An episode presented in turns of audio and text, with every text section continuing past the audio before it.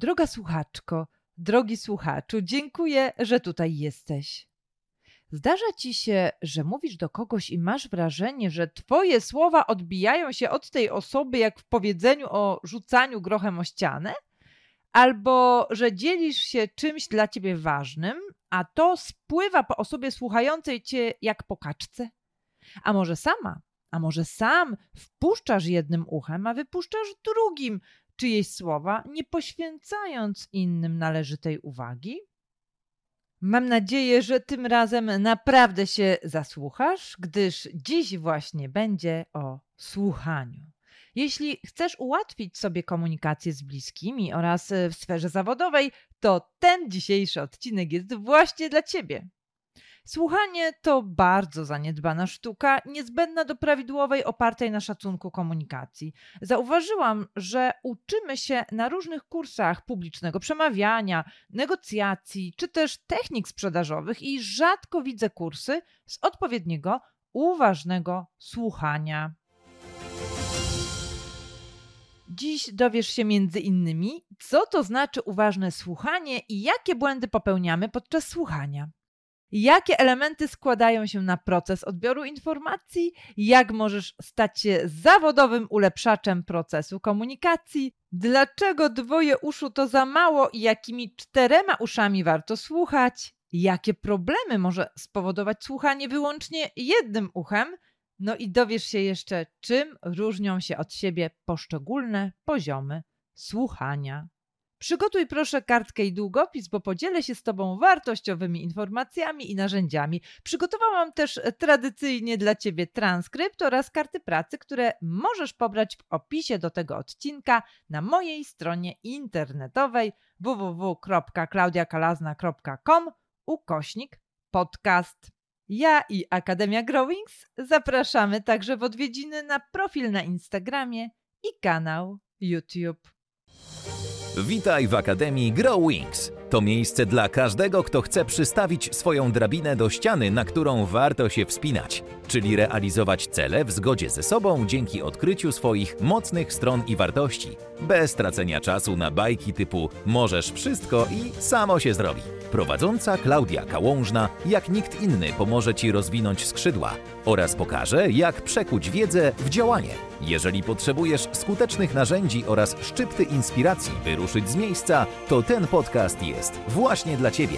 I pamiętaj, od samego słuchania nic się nie zmienia, dlatego proszę, wdrażaj zdobytą wiedzę, czyli słuchaj i działaj. Na początek mam do Ciebie pytanie. Co ci przeszkadza, gdy z kimś rozmawiasz? Dopóki nie doświadczyłam kilku takich sytuacji, które mnie osobiście dotknęły, nie zwracałam uwagi na to, że bardzo przeszkadza mi to, że ktoś nie słucha uważnie tego, co mam do powiedzenia. Takim przykładem jest sytuacja, kiedy wybieram się z kimś do pubu czy też restauracji, no i ta osoba na przykład trzyma nos w smartfonie. A jak ty się czujesz w takiej sytuacji? Wyobraź to sobie. Mówisz do kogoś, a ten ktoś raz patrzy przez okno, raz trzyma nos w smartfonie, no i nie zwraca na ciebie uwagi, nie poświęca ci czasu. Ja odczuwam taką sytuację jako brak szacunku. Czuję się wtedy no, nieszanowana i mam wrażenie, że taka osoba wcale nie chce ze mną przebywać w tym samym miejscu. Być może właściwie nie zależy jej wcale na spędzaniu czasu ze mną i szuka gdzieś tam w wirtualnych przestrzeniach ciekawszych zajęć. Kiedy zadałam to pytanie uczestnikom mojego szkolenia online na temat słuchania, właśnie uzyskałam m.in. następujące odpowiedzi. Kiedyś odwiedziłem kolegę, którego nie widziałem przez wiele lat. Zaczęliśmy rozmowę, a on odpalił telewizor z meczem i patrzył na mecz. Jednym uchem mnie słuchał. Pewnie jestem nudnym rozmówcą. I druga wypowiedź. Ludzie nie słyszą, co się do nich mówi. Przychodzi mi do głowy refleksja, że co innego kogoś usłyszeć, a co innego po prostu słuchać. I właśnie dzisiaj o tym. Zanim przejdziemy do skrzynki z narzędziami, w której podzielę się z Tobą trzema ćwiczeniami, chciałabym zachęcić Cię, jeśli jeszcze tego nie zrobiłaś, nie zrobiłeś, do odsłuchania odcinków na temat asertywności oraz pasywnej agresji. Oba te odcinki dotyczą bezpiecznej i skutecznej komunikacji, głównie z perspektywy nadawcy komunikatu. Linki do tych odcinków znajdziesz oczywiście w opisie do tego odcinka, a teraz jeszcze podam Ci ich tytuły. Czy umiesz dbać o własne granice? Jak budować swoją asertywną postawę? Kształtuj swoją asertywność. Oraz drugi odcinek, który polecam. Czy wiesz, że agresja to nie zawsze krzyk? Poradź sobie z manipulantami, pasywnymi agresorami. Dzisiaj zajmiemy się również komunikacją, natomiast skupimy się na tym, jak wiele zależy od odbiorcy komunikatu, który tak naprawdę również tenże komunikat kształtuje. Sama miałam i miewam duże problemy z prawidłowym słuchaniem, jeśli chodzi o relacje prywatne. No to znaczy, odkąd jestem świadoma tego, w jaki sposób to się robi, bardzo się staram, ale należy do osób, które lubią komuś przerwać, czy też zbaczać na różne tematy, snuć niekończące się dygresje i tak dalej. Natomiast w mojej pracy, podczas sesji indywidualnych, czy też czasie pracy trenerskiej staram się wcielać zasady tak zwanego globalnego słuchania. Możemy słuchać byle jak że nam jednym uchem coś tam wpada, a drugim wypada. Możemy słuchać aktywnie, czyli przytakiwać danej osobie, parafrazować jej wypowiedzi, skupiać się na niej, utrzymywać kontakt wzrokowy, no ale możemy również, i tej właśnie trudnej sztuki uważam, każdy z nas się powinien nauczyć, słuchać na tak zwanym poziomie globalnym, czyli całym sobą. I o tym właśnie, jak sobie ułatwiać takie słuchanie i co to tak naprawdę znaczy, dzisiaj opowiem. Myślę, że równie ważne jest to, by podchodzić do komunikacji z nastawieniem na chęć zrozumienia intencji danej osoby, a nie z chęcią osądzenia jej lub udowodnienia jej czegoś. Dobrze, byśmy wchodzili w komunikację właśnie po to, by kogoś zrozumieć, a nie, tak jak powiedziałam, coś komuś udowadniać, negocjować z kimś bądź z kimś rywalizować. W zrozumieniu własnego stylu komunikacji oraz w lepszym zrozumieniu intencji innych ludzi, w zrozumieniu ich trudnych zachowań pomogą Ci odcinki dotyczące modelu zachowań DISK. Są to odcinek szósty, w którym omawiam wszystkie style komunikacji DISK. Ten odcinek ma tytuł Jak lepiej zrozumieć siebie i innych ludzi oraz pozostałe odcinki dotyczące trudnych zachowań osób o poszczególnych typach DISK. Zapraszam Cię do skrzynki z narzędziami, w której dzielę się z Tobą rozmaitymi metodami, dzięki którym możesz usprawnić swoje działanie.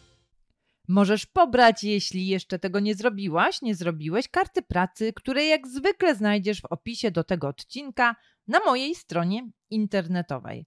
Pomogą Ci one jeszcze lepiej skorzystać z tego odcinka i wcielać wiedzę w życie. Niech ta wiedza nie leżakuje, tylko żyje. To nie jest beczka z winem, nie potrzebuje lat leżakowania w ciemnej piwnicy. Zanim omówię trzy metody, które pomogą w sprawniejszym komunikowaniu się, a zwłaszcza w lepszym słuchaniu, chciałabym wspomnieć o pewnym ćwiczeniu, które przeprowadzam w czasie warsztatów. Otóż proszę wtedy uczestników, aby coś narysowali, posiłkując się pisemną instrukcją. Uczestnicy na sali mają postępować według instrukcji, którą usłyszeli i przeczytali samodzielnie. Instrukcja dla wszystkich osób jest taka sama, a dzieła, które powstają podczas tego eksperymentu, są zupełnie inne. Tak, jakbym dała im różne instrukcje. Dlaczego tak się dzieje? Dlatego, że na cały nasz proces komunikacji składają się oczywiście komunikat, nadawca, czyli ten, kto ten komunikat nadaje, odbiorca, czyli ten, do którego ten komunikat jest skierowany, no i coś po środku, czyli różne szumy komunikacyjne się tam mogą pojawić. Na przykład zakłócenia takie jak hałas albo zakłócenia na linii telefonicznej. Przykładem szumów komunikacyjnych i czymś, co pojawia się po stronie odbiorcy, są tak zwane filtry. Czyli innymi słowy, chodzi o to, że my interpretujemy to, co słyszymy, przepuszczamy przez nasze własne doświadczenia, nasze przekonania, emocje i na końcu często dosłyszymy coś, czego w tym komunikacie nie było. I wychodzi nam często zupełnie co innego niż ten oryginalny komunikat, który chciał nam przekazać nadawca. Każdy z nas odbiera informacje na różny sposób, przefiltrowuje je przez siebie i swoje doświadczenia. Oczywiście po stronie nadawcy też pojawiają się zakłócenia, na przykład za szybkie bądź za wolne mówienie, niewyraźne mówienie, używanie niezrozumiałego dla odbiorcy słownictwa, struktura wypowiedzi lub jej brak, nastawienie emocjonalne do odbiorcy itd. Tak Gdy powiedziałam podczas mojego szkolenia o tym, jak ważne jest uzgodnienie siatki pojęciowej po to, by uniknąć nieporozumień i precyzyjnie nazwać to, o czym rozmawiamy, uczestnik napisał: Pozwól, że teraz ci zacytuję jego słowa. Ciekawe o siatce pojęciowej na przykład dobrą praktyką w projektach informatycznych jest zdefiniowanie tak zwanego słownika, żeby było wiadomo, co dane słowo oznacza, bo na przykład różne działy określają to samo innymi nazwami. Inna sprawa, że rzadko to widziałem stosowane w praktyce. No właśnie, na przykład ktoś pod pojęciem wolność lub bezpieczeństwo może rozumieć zupełnie coś innego niż jego rozmówca. Dlatego podkreślam, bardzo, bardzo ważne jest to, żebyśmy wiedzieli, czy na pewno rozmawiamy o tym samym. Chciałabym teraz powiedzieć o trzech elementach procesu odbierania komunikatu. Pierwszym elementem jest usłyszenie i spostrzeganie komunikatu. Warto być uważnym i sobie zadawać pytania: co zobaczyłam, co zobaczyłem? Co usłyszałam, co usłyszałem? Pamiętajmy, że komunikujemy się werbalnie i niewerbalnie, stąd właśnie ten element spostrzegania. Drugim elementem jest interpretacja komunikatu. Warto pamiętać, że przepuszczamy informacje, które do nas docierają przez różne nasze filtry. Przed chwilą o tym właśnie wspomniałam. I w zależności od tego, jaką nadamy interpretację temu, co usłyszeliśmy, mogą się w nas obudzić emocje. I to jest trzeci element tego procesu.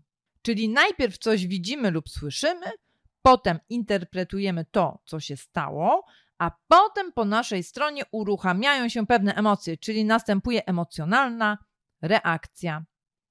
Podam Ci przykład. Siedzisz sobie podczas obiadu i nagle ktoś mówi: A co to jest za przyprawa w tym daniu? To usłyszałaś bądź usłyszałeś.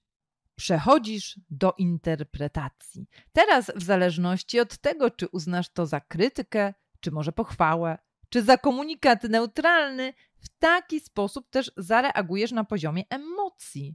Możesz odburknąć. A co ci się znowu nie podoba?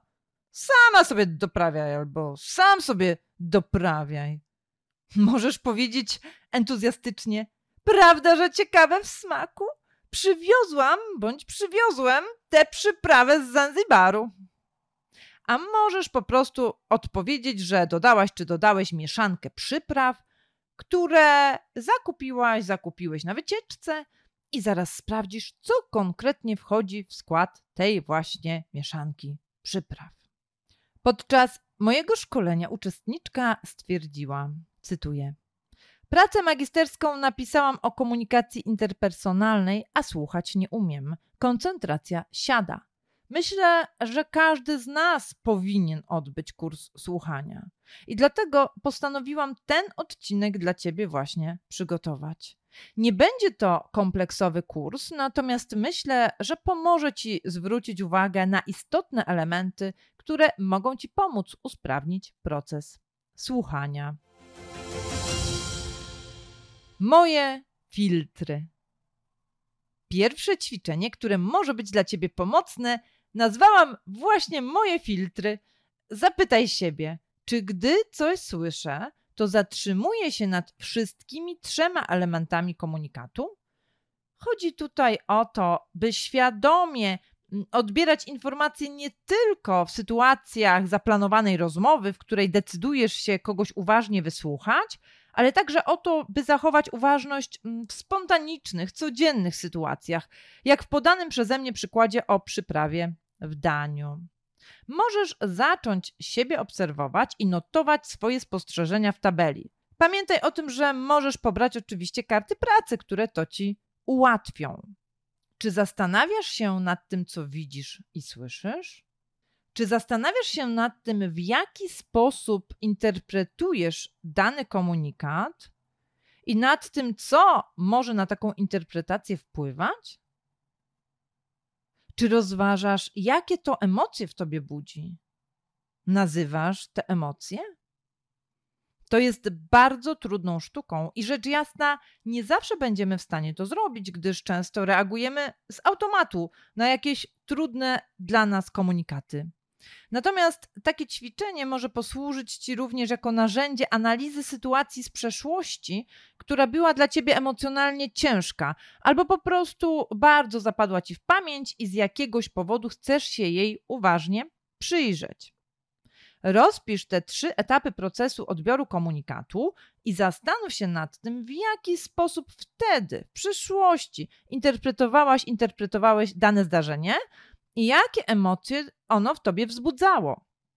A teraz, po latach, miesiącach, tygodniach, spróbuj się zastanowić nad tymi trzema elementami z perspektywy czasu. Ćwiczenie Moje filtry ma nam przypominać, że my te filtry nosimy chcąc, nie chcąc i naprawdę warto uważnie się im przyglądać. Pięć poziomów słuchania. W 1965 roku Dale Carnegie napisał: Wykazując zainteresowanie innymi ludźmi, można w ciągu dwóch miesięcy pozyskać więcej przyjaciół niż zdobywa się w ciągu dwóch lat, usiłując zainteresować sobą innych. Myślę, że to jest najlepsza ilustracja tego, o czym dzisiaj mówimy. Bo ludziom zazwyczaj wydaje się, że słuchają. No i ja chciałabym się częściowo z tym właśnie zgodzić. Ludziom wydaje się, że słuchają, a w rzeczywistości przerywają rozmówcy, dają nieproszone rady, czy też porywają rozmowę, przekierowują ją na inne tory.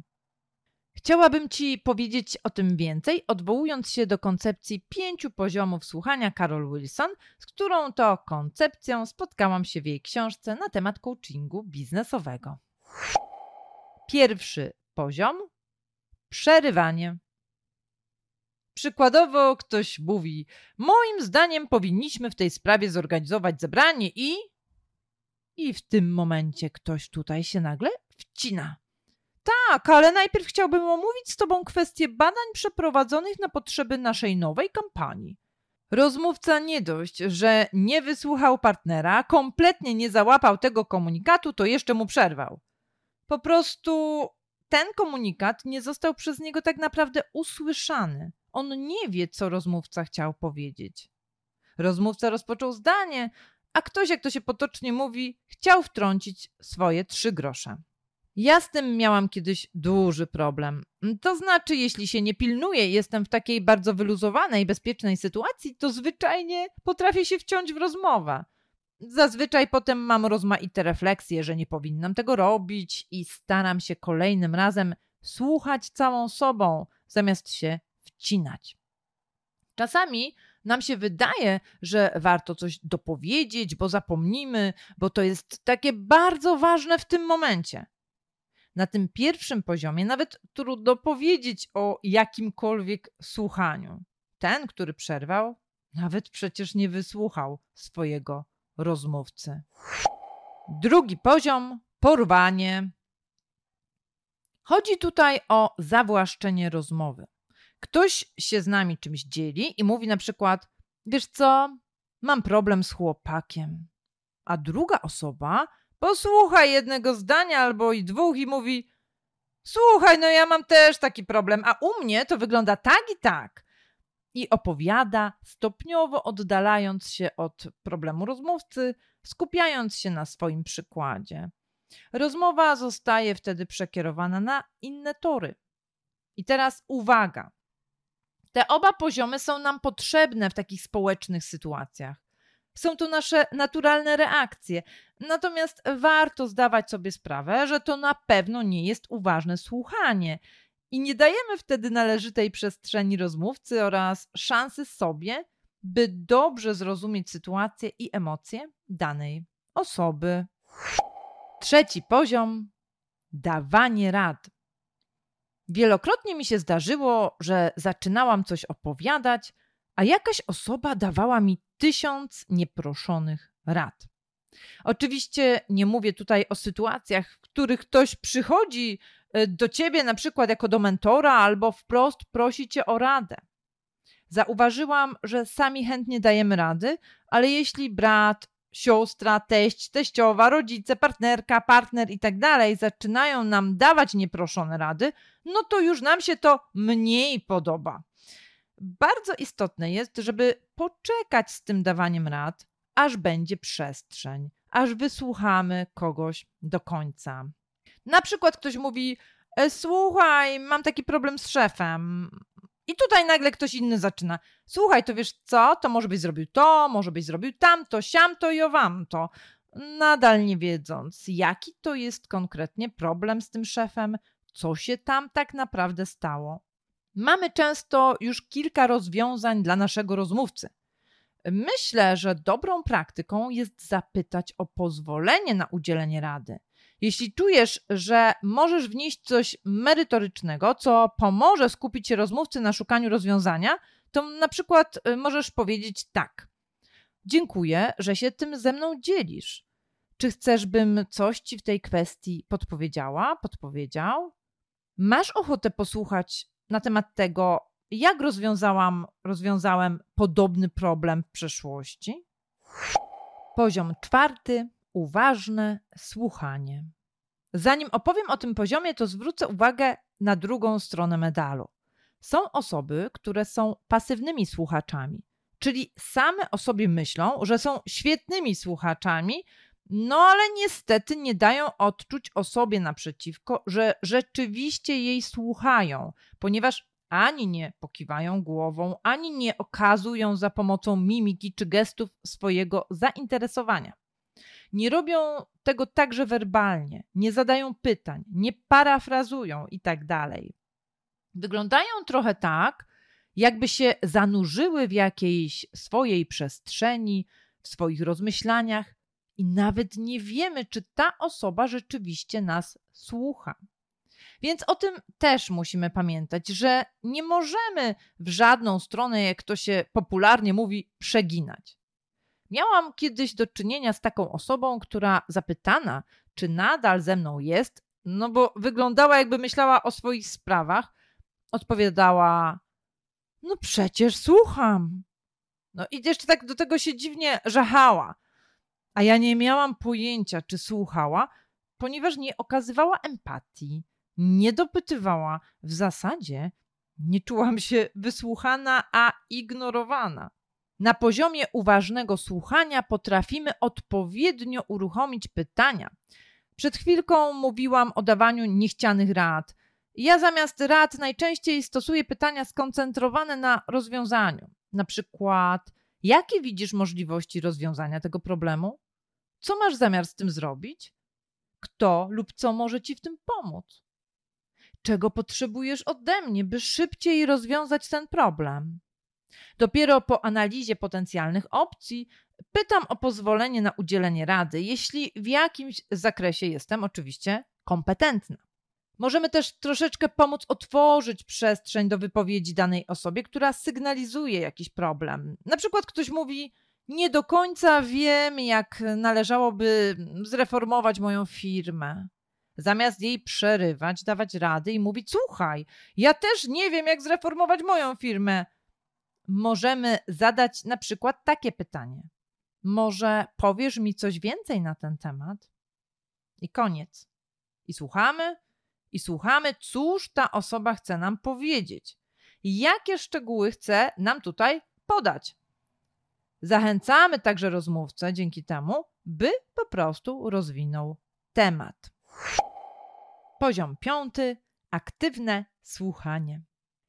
Aktywne słuchanie moglibyśmy nazwać globalnym słuchaniem, o którym wcześniej wspominałam. Na tym poziomie chodzi o to, żeby używać swojej intuicji, takiej umiejętności czytania między wierszami.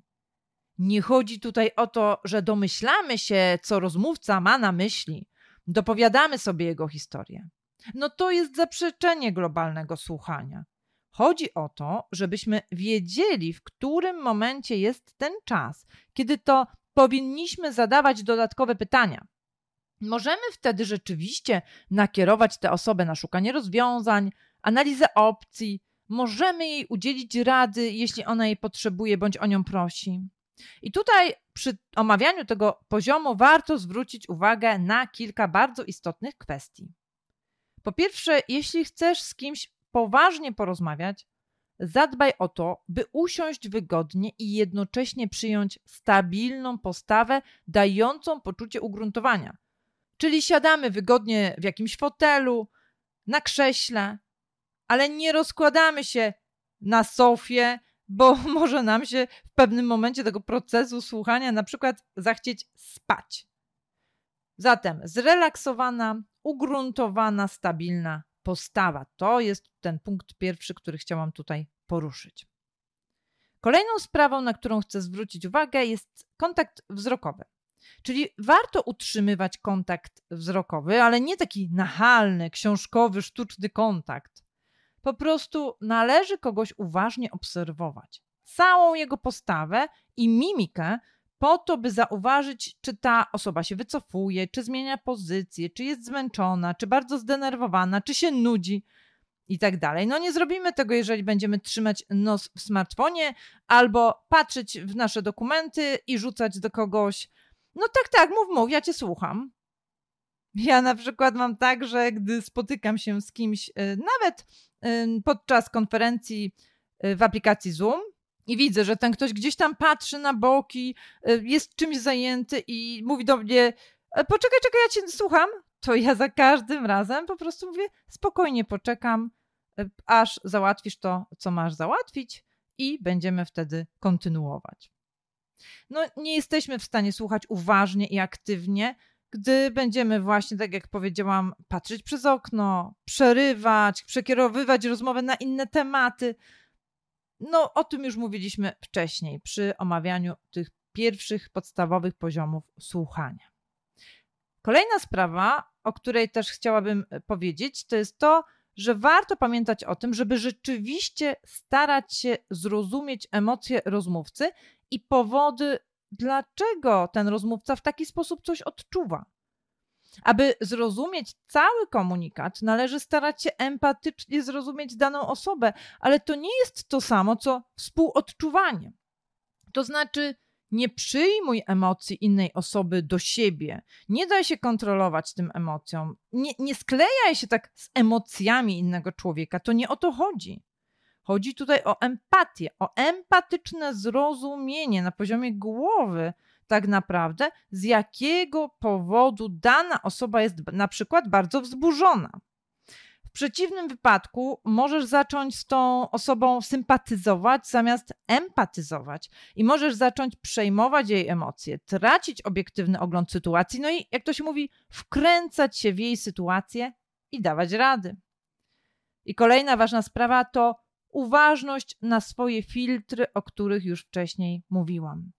Nie przekładaj swoich doświadczeń, wspomnień oraz złych lub dobrych sytuacji e, na to, o czym mówi dana osoba. Czyli przykładowo, w Ameryce przychodzi koleżanka do koleżanki i mówi: Słuchaj, ale miałam świetne wakacje, no super wakacje. Pojechaliśmy do takiej knajpy, gdzie była muzyka country, jedliśmy prażoną kukurydzę i w ogóle było tak cudownie. No i ta koleżanka, która jej słucha, myśli: Wow, Najgorsze wakacje, jakie sobie można wyobrazić. Kukurydza? Jacyś spoceni faceci wokół? Muzyka country? O Boże! Przyjmując taką postawę, słuchaczka patrzy przez swój filtr i swoje doświadczenia, swoje antypatie i sympatie i tak naprawdę nie rozumie komunikatu. Nie rozumie, że jej koleżanka się tak naprawdę cieszy swoimi wakacjami i nie dopuszcza nawet takiej możliwości słuchaczka. Inny przykład. Ktoś mówi: Mam problem z moim szefem. Wydaje mi się, że on może jest szowinistą. A na to rozmówca czy rozmówczyni mówi: Słuchaj, na pewno jest. Na pewno chce tamto i tamto, trzeba mu dowalić. Dlaczego taka reakcja tutaj się pojawia? Ponieważ ta osoba miała w przeszłości problemy z mężczyznami, czy też ze swoim poprzednim szefem. Może ci się to teraz wydawać takie banalne i proste. Zastanów się jednak, czy aby na pewno zwracasz na to uwagę, gdy z kimś rozmawiasz. Czy aby na pewno nie przepuszczasz tego wszystkiego tylko przez swoje odczucia, doświadczenia, bez zrozumienia tego, co ten rozmówca tak naprawdę chce ci przekazać i co czuje? Nie ma nic złego w tym, że my sobie później o tym głębiej pomyślimy, mamy rozmaite refleksje, ale w tym momencie, w którym dana osoba chce nam przekazać informację, to naszym głównym zadaniem powinno być zrozumienie tej osoby jak najbardziej dokładnie. To jest e, właśnie takie globalne słuchanie na każdym możliwym poziomie, w pełnej uważności. Gdy tak słuchamy, to też odzwierciedlamy energię osoby, z którą rozmawiamy, bo dostrajamy się niejako do tej osoby. Wchodzimy w jej buty, ale bez tego takiego współodczuwania i tracenia obiektywizmu. Zawodowy ulepszacz. Jeśli z kimś zaczynamy rozmowę i coś nam nie pasuje i zaczyna nam się uruchamiać krytykanstwo, to na pewno tej rozmowie nie będzie służyło dobrze. To znaczy, każda krytyka tak naprawdę zaczyna zabijać komunikację, a nie przyczynia się do rozwoju mądrej rozmowy. Zamiast krytykowania i oceniania, starajmy się ulepszać pomysł naszego rozmówcy oraz usprawniać naszą rozmowę. Usprawniać, a nie krytykować. I w jaki sposób to możemy zrobić? Otóż warto stać się właśnie takim zawodowym ulepszaczem, który jeśli ma wątpliwości, jeśli z czymś się nie zgadza z rozmówcą, potrafi zbudować bezpieczną przestrzeń do pełnej szacunku komunikacji. Jak stać się takim zawodowym ulepszaczem? Możesz podjąć dwa proste kroki. Pierwszy krok to po prostu przyjmij postawę akceptuję mojego rozmówcę. Czyli od razu zadbaj o dobre nastawienie. Jestem tutaj po to, żeby to wszystko, co będzie płynęło z ust tej osoby naprzeciwko, było przeze mnie zaakceptowane ta osoba ma prawo do swojego zdania, swojej opinii, marzeń itd. Tak to, że akceptujemy prawo danej osoby do swojej opinii, nie oznacza, że my się z tą osobą zgadzamy. Drugim krokiem jest zadawanie pytań pomagających nam tę naszą komunikację usprawnić, a mianowicie pytań skoncentrowanych na rozwiązaniach. Wyobraź sobie, że ktoś do ciebie przychodzi z jakimś dzikim według ciebie pomysłem. Ty sobie myślisz, no kurczę, co ten ktoś znowu wymyślił? To jest naprawdę jakiś taki dziki pomysł? Wyobraź sobie, że Twoim zadaniem nie jest ocenianie tej osoby, ale pomoc w ujarzmieniu tego pomysłu, w usprawnieniu go. Przykładowo, przychodzi pracownik do pracodawcy, Albo na przykład przychodzi mąż do żony, albo na odwrót i dzieli się jakimś pomysłem. I pierwsze, co czasami nam się ciśnie na usta, to jest: Czyś ty zgłupiał? Czyś ty zgłupiała? No co ty masz znowu za pomysły? Wiedziałam, wiedziałem, że można się po tobie spodziewać takich niestworzonych rzeczy. Albo ciśnie nam się na usta. Spadł czy spadła z księżyca? Po prostu. O co mu chodzi? O co jej chodzi? Niech ktoś pierwszy kamieniem rzuci, kto nigdy w życiu tak o kimś nie pomyślał. I co wtedy możesz zrobić? Mm, tak jak wspomniałam, warto przyjąć postawę akceptacji, wyrzucić do kosza krytykanstwo, byleby tylko krytykować, i starać się tę osobę po prostu dopytywać, czyli stopniowo rozwiewać swoje wątpliwości. Przykładowo, przychodzi pracownik do pracodawcy, albo mąż do żony, albo żona do męża. No i ten ktoś dzieli się jakimś pomysłem. I pierwsze, co czasami nam się ciśnie na usta, to jest: Czyś ty zgłupiał? Czyś ty zgłupiała? Co to znowu za pomysły? Albo wiedziałam, wiedziałem, można się po tobie tego spodziewać. Co to za niestworzone rzeczy? Albo ciśnie nam się na usta: Spadł, spadła z księżyca po prostu. O co jej chodzi? O co mu chodzi? Niech ktoś pierwszy rzuci kamieniem, kto nigdy w życiu tak o kimś nie pomyślał. I co wtedy możesz zrobić? Mm, tak jak wspominałam, warto przyjąć postawę akceptacji, wyrzucić do kosza krytykanstwo, byle tylko krytykować i starać się tę osobę po prostu dopytywać, czyli stopniowo rozwiewać swoje wątpliwości. Przykładowo, przychodzi pracownik i mówi: Chcę uczestniczyć w konferencji w Nowym Jorku. No i pracodawca myśli: No co ty z księżyca spadłeś? Ta konferencja jest za droga. No kto za to zapłaci? Myślę, że tak może zareagować wielu szefów.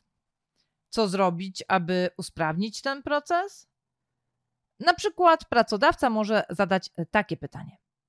Ciekawy pomysł. W Nowym Jorku jeszcze nikt nie był od nas. W jaki sposób zdobędziesz pieniądze na ten wyjazd? Albo może zadać pytanie tak. W jaki sposób wygospodarujesz te pieniądze? W jaki sposób chciałbyś sfinansować Twój wyjazd? Zobacz, zupełnie inaczej brzmi taka reakcja. Otwierasz wtedy przestrzeń do rozmowy, okazujesz szacunek rozmówcy i rzeczywiście szukasz ulepszenia tego rozwiązania lub próbujesz zdobyć pełną informację, by go lepiej zrozumieć. Czyli pamiętaj o tych dwóch ważnych krokach. Najpierw akceptacja, a potem dopytywanie o rozwiązania. A teraz podam kolejny przykład dotyczący konferencji w Nowym Jorku. Pracodawca mówi: No, przez tydzień cię w pracy nie będzie. Co ty sobie wyobrażasz? Myślisz, że firmę na to stać? Jak pracodawca może stać się zawodowym ulepszaczem? Może powiedzieć w ten sposób: O, to ciekawy pomysł. Powiedz mi, jak mógłbyś zorganizować swoją pracę podczas nieobecności? Może cię ktoś zastąpić? A może możesz coś zrobić częściowo online? Gdy czasami kogoś nie rozumiesz i ciśnie ci się na usta, aby zareagować niemiło, zbyt emocjonalnie, no to może daj sobie szansę na wysłuchanie tej osoby.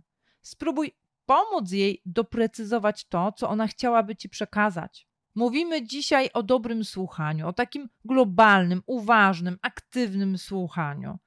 A czasami jest tak, że nasz rozmówca ma problem z doprecyzowaniem swojej wypowiedzi. Ma problem z powiedzeniem, o co tak naprawdę mu chodzi. Więc możemy mu poprzez naszą odpowiednią postawę w tym pomóc.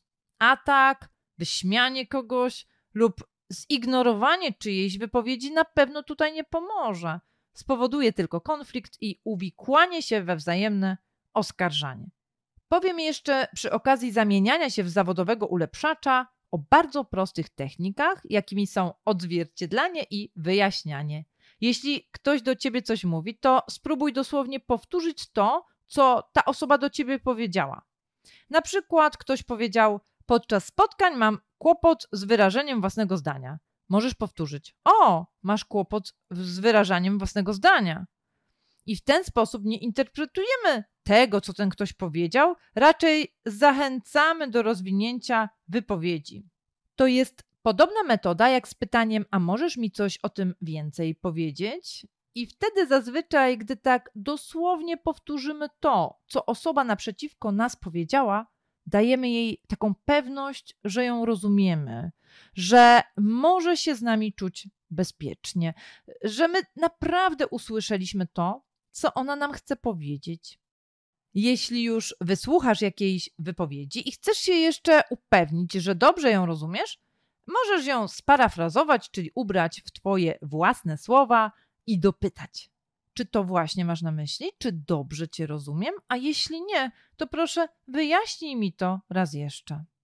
To jest pewnego rodzaju podsumowywanie w punktach tego, co zostało zakomunikowane po to, żeby uporządkować wypowiedź. Podczas mojego warsztatu uczestniczka wyraziła swoją opinię. Myślę, że Twoje rady też pasują do wychowywania dzieci. Czasami człowiek wkurza się, że dziecko coś chce, a wystarczy trochę posłuchać i dowiedzieć się, dlaczego dziecko chce akurat w dane miejsce iść, czy chce zrobić daną rzecz. Również pamiętam taką sytuację z dzieciństwa, kiedy to miałam pewnie ze 3-4 lata.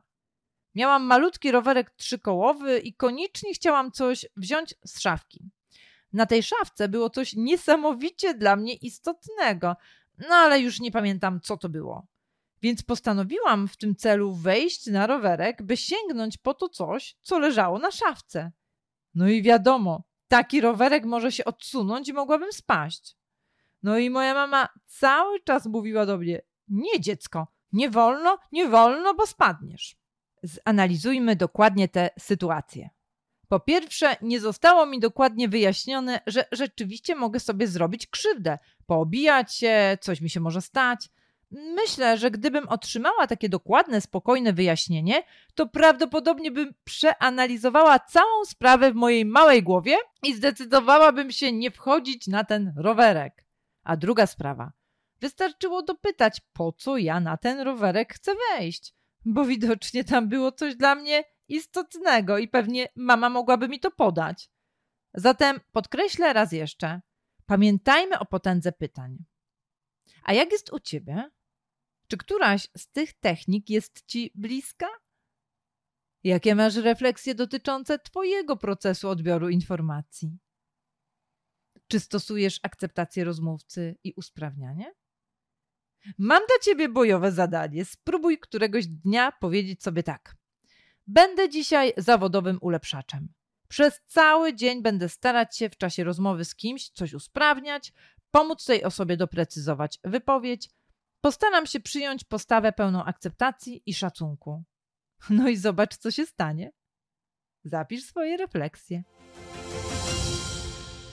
Przejdźmy do kolejnej metody, którą wygrzebałam z mojej skrzynki narzędziowej i nazwałam ją Mam czworo uszu. A w zasadzie to metoda niemieckiego naukowca, psychologa komunikacji Schulza Fontuna, który wyróżnił cztery płaszczyzny komunikacji i pisał o tym, że należy wsłuchać się w każdą z tych płaszczyzn. Ta jego teoria nazywa się kwadratową teorią komunikacji. Zacytuję. Odbiorca posiadając dwoje uszu, jest źle wyposażony biologicznie.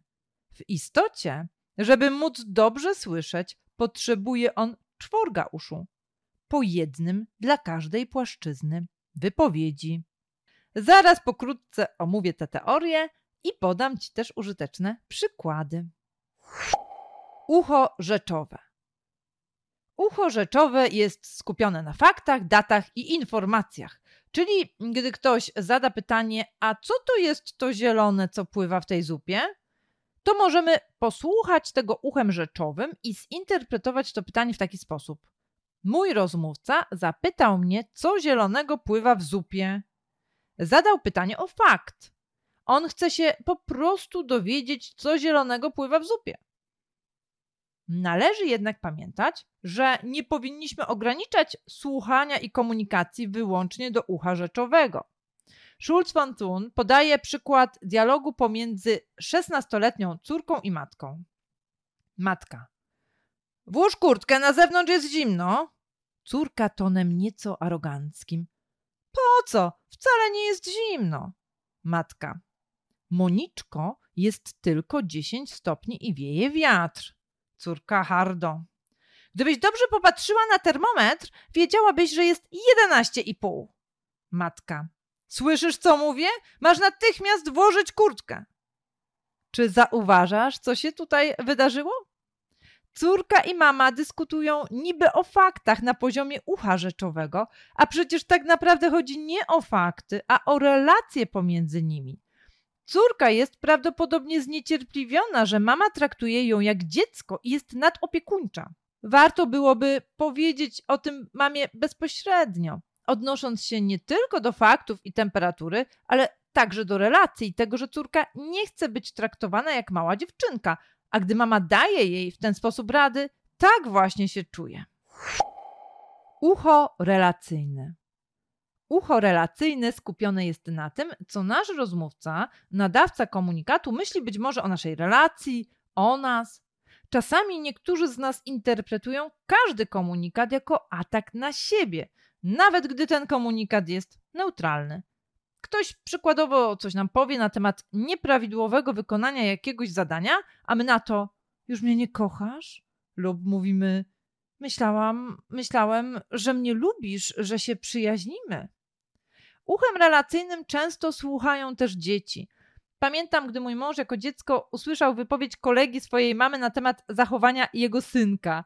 No i podpytywał się potem swojej mamy: Mamo, czy ten kolega to już nie kocha swojego synka? To ucho nazywane jest także uchem drażliwym, gdyż osoby słuchające wyłącznie nim bardzo wiele biorą do siebie. Na przykład czują się wyśmiewane przez innych, podczas gdy inni się po prostu śmieją. E, szukają, czy ktoś nie zastawił na nich pułapki w swojej wypowiedzi. Interpretują słowa innych w sposób pomijający właściwą treść. Innymi słowy, często ich ucho rzeczowe jest głuche. Ucho ujawniania się nadawcy. Ucho ujawniania się nadawcy skupione jest na tym, co nadawca chce nam przekazać o samym sobie, jak się ujawnia. Czyli innymi słowy, ktoś może nam pokazywać swoje emocje, na przykład swoją złość. Może nam o tym bardzo wyraźnie powiedzieć, a może to zademonstrować na przykład mową ciała. Podam Ci przykład. Mąż prowadzący własną firmę wraca do domu po bardzo ciężkim dniu i zaczyna zrzędzić lub wyzywać, że w domu jest bałagan, nie ma w nim swojej oazy spokoju, co róż potyka się o zabawki. Dziecko, które ma cztery latka, słuchając uchem relacyjnym, pomyśli: Jestem do niczego. Tata mnie już nie kocha, bo rozrzucam zabawki. Natomiast żona, która w tym przykładzie użyje ucha ujawniania się nadawcy i ucha rzeczowego, może pomyśleć: O, miał ciężki dzień w pracy, widać, jaki jest zniecierpliwiony. Ciekawe, co się stało. Chcę na spokojnie o tym porozmawiać. Także i w tym przypadku trzeba pamiętać, żeby nie popadać w skrajności, na przykład interpretując to, co ktoś mówi i w jaki sposób to mówi, wyłącznie jako informację o jego nieprzepracowanych problemach. Słuchając wyłącznie uchem ujawniania się odbiorcy i pomijając ucho rzeczowe lub relacyjne, możemy doprowadzić do sytuacji, że każda informacja, z którą się nie zgadzamy, jest przez nas odrzucana. Każda konstruktywna krytyka naszego zachowania jest przez nas ignorowana ucho ujawniania się jest nazywane uchem terapeutycznym, gdyż pomaga nam mądrze i empatycznie wysłuchiwać kogoś innego i pomóc mu zrozumieć więcej na temat swoich emocji, zachowań, swojej sytuacji. No to ucho nie powinno służyć do oceniania kogoś, a raczej do aktywnego i empatycznego słuchania, by rozmówca czuł się przez nas zaopiekowany i szanowany. Ucho apelowe. Ucho apelowe skupia się na tym, że nasz rozmówca czegoś od nas chce. Może ma jakieś żądanie, może prośbę, może chce od nas coś uzyskać. Na przykład, jeśli mąż powiedział: Co w tej zupie jest takiego zielonego? To żona może to zinterpretować jako apel w postaci krytyki bądź pochwały i pomyśleć: Kurczę, on chyba chce, żebym więcej nie gotowała, a sam sobie gotuj. No tutaj też e, pewnie wejdzie w to troszeczkę ucho relacyjne, prawda? Tak może to zinterpretować. Albo co on ode mnie może chcieć? Może chce, żebym więcej gotowała z tym zielonym. Zbyt rozbudowane ucho apelowe może spowodować nadmierną koncentrację na wyszukiwaniu w komunikacie potrzeb danej osoby i następnie nadskakiwanie komuś spełnianie jego niewypowiedzianych życzeń. Znasz taką sytuację, że się z kimś spotykasz, a ta osoba już ci podsuwa ciepły koc, bo na pewno ci zimno, nalewa herbaty, bo pewnie chce ci się pić i załatwiła za ciebie jakąś sprawę, o której ledwie co zaczynasz wspominać? Jeśli tak, to pewnie ten ktoś cierpi na przerost ucha apelowego. Schulz von Thun zwrócił uwagę na to, jak bardzo tracimy energię, będąc ciągle skoncentrowanymi na wyszukiwaniu u innych ich apeli. Bardzo wtedy oddalamy się sami od siebie. Zacytuję teraz dla ciebie tego autora. Dzieci bywają przez otoczenie nagradzane za uprzejmość. Takie pochwały rozwijają w nich postawę odgadywania tego, czego życzy sobie dorosły. Dla jasnej, partnerskiej komunikacji nie jest to dobre ćwiczenie. Odbiorca z uchem apelowym najczęściej jest oddalony od samego siebie. Jego antena nie odbiera jego pragnień ani uczuć. Istnieje także drugie niebezpieczeństwo. Czasami interpretujemy wypowiedzi i zachowania, doszukując się wszędzie manipulacji czy też próby wymuszenia czegoś na nas. Przykładowo, jakaś osoba płacze opowiadając historię, słuchający uchem apelowym może pomyśleć: Na pewno jej celem jest przekonanie mnie do tego, jaka jej sytuacja jest ciężka, bym jej pożyczył pieniądze. Jak pewnie zauważyłaś, jak pewnie zauważyłeś, nasze zadanie polega na tym, żeby nie wybierać, którym uchem słuchamy, tylko słuchać wszystkimi czterema. Bo proces komunikacji właśnie się z tych czterech elementów składa, czyli z dbałości o relacje, z ujawniania własnych emocji przekazywania myśli, ze stwierdzania faktów, pokazywania ich, wyjaśniania i z dbałości o to, czy my rozumiemy, co ta druga strona tak naprawdę od nas chce. Jak to zrobić? Jak my mamy tymi uszami słuchać? Otóż za każdym razem, gdy jesteśmy przekonani, że już na 100% coś wiemy, po prostu powinniśmy do siebie powiedzieć tak. Ok, coś mi się wydaje, że mm, sprawdzam to. Dopytam osobę naprzeciwko, co miała na myśli. Wróćmy do przykładu o czymś zielonym pływającym w zupie. Gdy żona słucha uchem rzeczowym, to odpowie: to zielone to jest fasolka.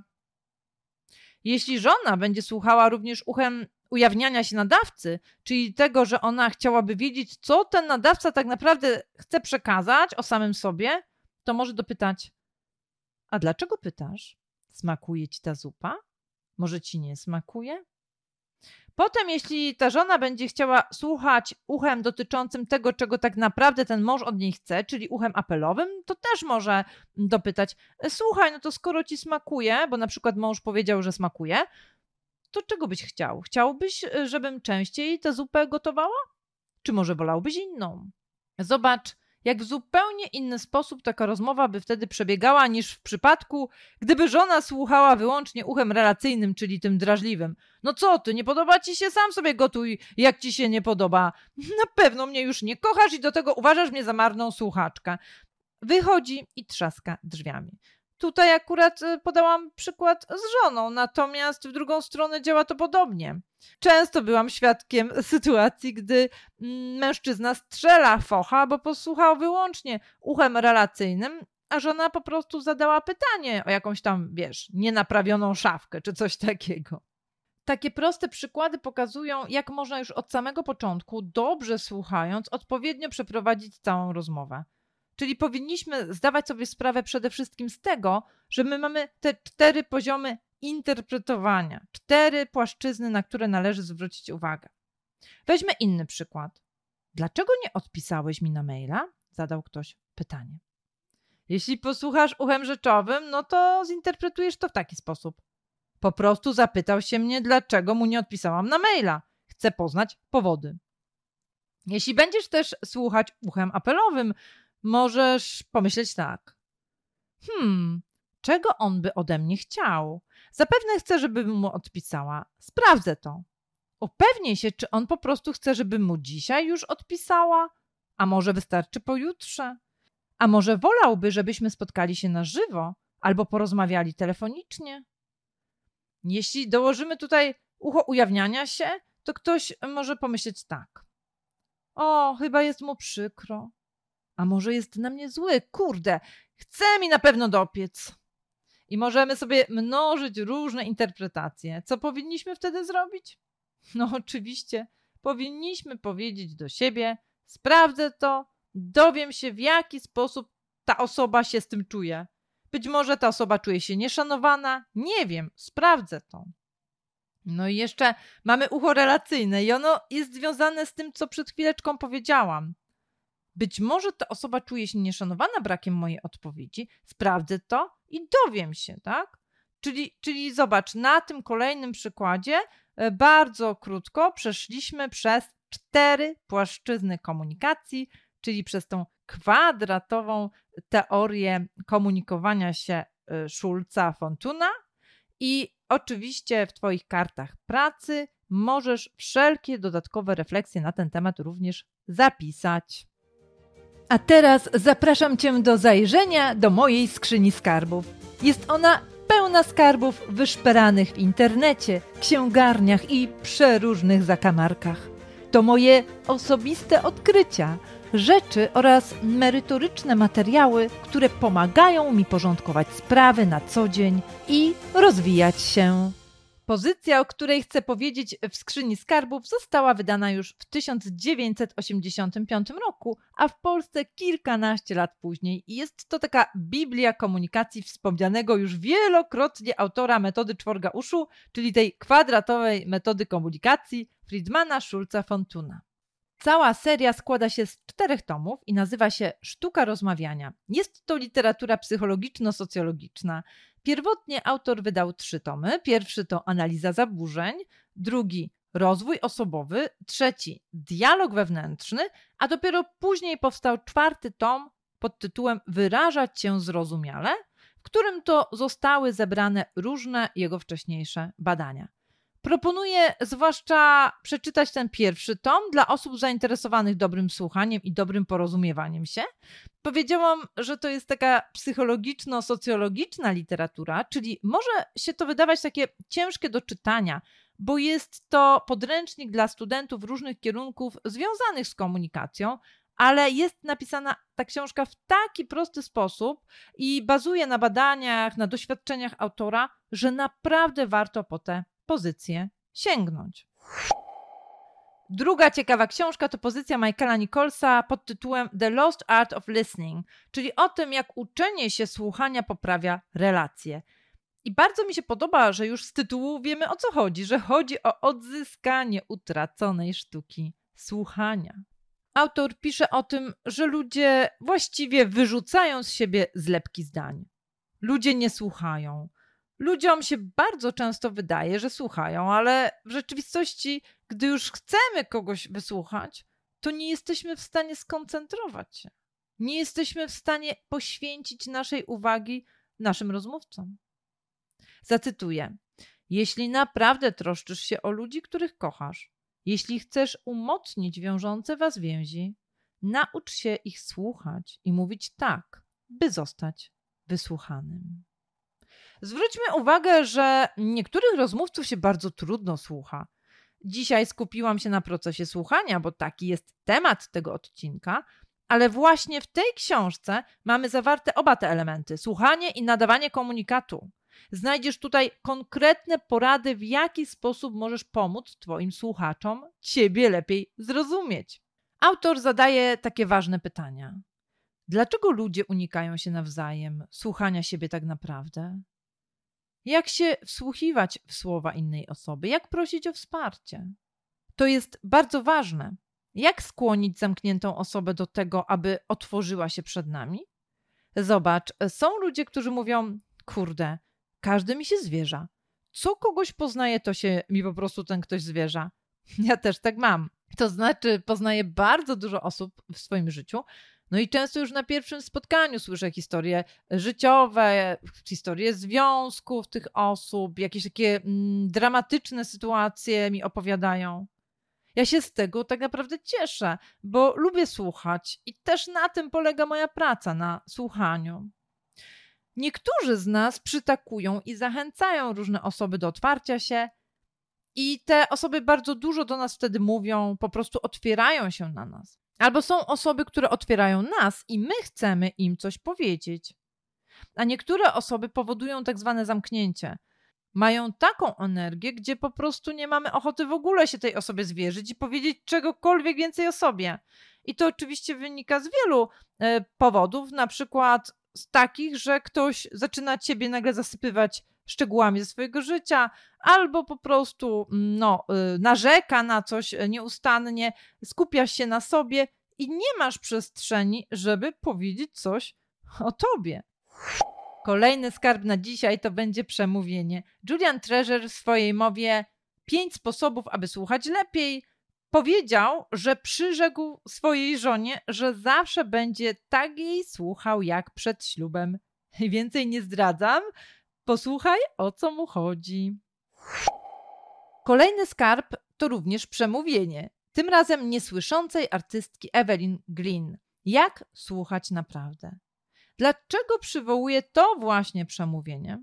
Dlatego, że ta artystka pracuje z muzyką, ale nie słyszy. I opowiada o swojej historii w tym poruszającym wystąpieniu oraz demonstruje również podczas tego wystąpienia grę na różnych instrumentach. Podkreśla, że mimo tego, iż nie słyszy od 12 roku życia, potrafi grać na instrumentach. Jest wspaniałą artystką, jest znaną osobą i mówi o tym, że to nie tylko uszy są do tego, żeby słuchać. Ona słyszy dźwięki, wibracje, całą muzykę całym swoim ciałem. I mówi też o tym, że dostała się do szkoły artystycznej i nie chcieli jej tam przyjąć, bo powiedzieli, że ona nie może być muzykiem, bo nie słyszy. Ona im udowodniła, że może. Po tej zmianie okazało się, że zaczęto przyjmować do szkoły wszystkich niepełnosprawnych, którzy po prostu mają jednak potencjał, żeby być dobrymi muzykami. Na przykład osoby, które nie mają kończyn. Jeśli ktoś nie ma kończyn, to przecież może grać na instrumentach dętych. Używa się po prostu powietrza, żeby wydobyć dźwięk. Jest to niesamowite przemówienie, niesamowity występ. Tam pada też takie stwierdzenie, że żeby dobrze zinterpretować instrument, to nie chodzi o to, żeby sobie przeczytać tylko nuty, by jak taki rzemieślnik odtwarzać te nuty po prostu. Bo to nie jest bycie artystą. To nie jest to, co nazywamy artyzmem. Bycie artystą to znaczy interpretować. I tak samo długo zajmuje zaprzyjaźnienie się z danym instrumentem czy utworem, jak zbudowanie relacji z człowiekiem. Żeby interpretować człowieka dobrze, to też potrzebujemy czasu.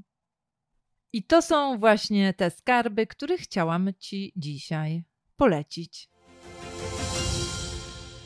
Droga słuchaczko, drogi słuchaczu, dziękuję za to, że pozwalasz mi mówić prosto do Twojego ucha. Możesz podrzucić mi mailem na infomałpa.klaudiakalazna.com Twoje refleksje na temat słuchania, ale też wszystkie inne, które są związane z tematyką mojego podcastu. A tymczasem do usłyszenia w kolejnym odcinku. Jeśli zabierzesz dla siebie coś wartościowego z któregoś z odcinków tej audycji, jeśli coś cię sprowokuje do działania lub myślenia, daj koniecznie znać. Zostaw dla mnie komentarz w aplikacji podcastowej, w której słuchasz tego programu, i jeśli oczywiście ta aplikacja umożliwia zostawienie takiego komentarza. Napisz też do mnie wiadomość mailową, w której treść tego komentarza przytoczysz, żebym wiedziała, że to akurat ty jesteś autorką czy autorem tego komentarza. Spośród tych z Was, którzy podzielą się swoimi refleksjami, wybiorę co kwartał osobę, która otrzyma ode mnie badanie DISC-4D i dwugodzinną konsultację ze mną. Badanie to diagnozuje nasze style zachowania, style myślenia, wartości i nasze najgłębsze motywatory. W dużym skrócie, bardzo ułatwia życie i pomaga budować zdrowe relacje. Będę wdzięczna, jeśli napiszesz do mnie w komentarzu lub wiadomości mailowej, jakie tematy chciałabyś bądź chciałbyś, abym poruszała częściej w tej audycji.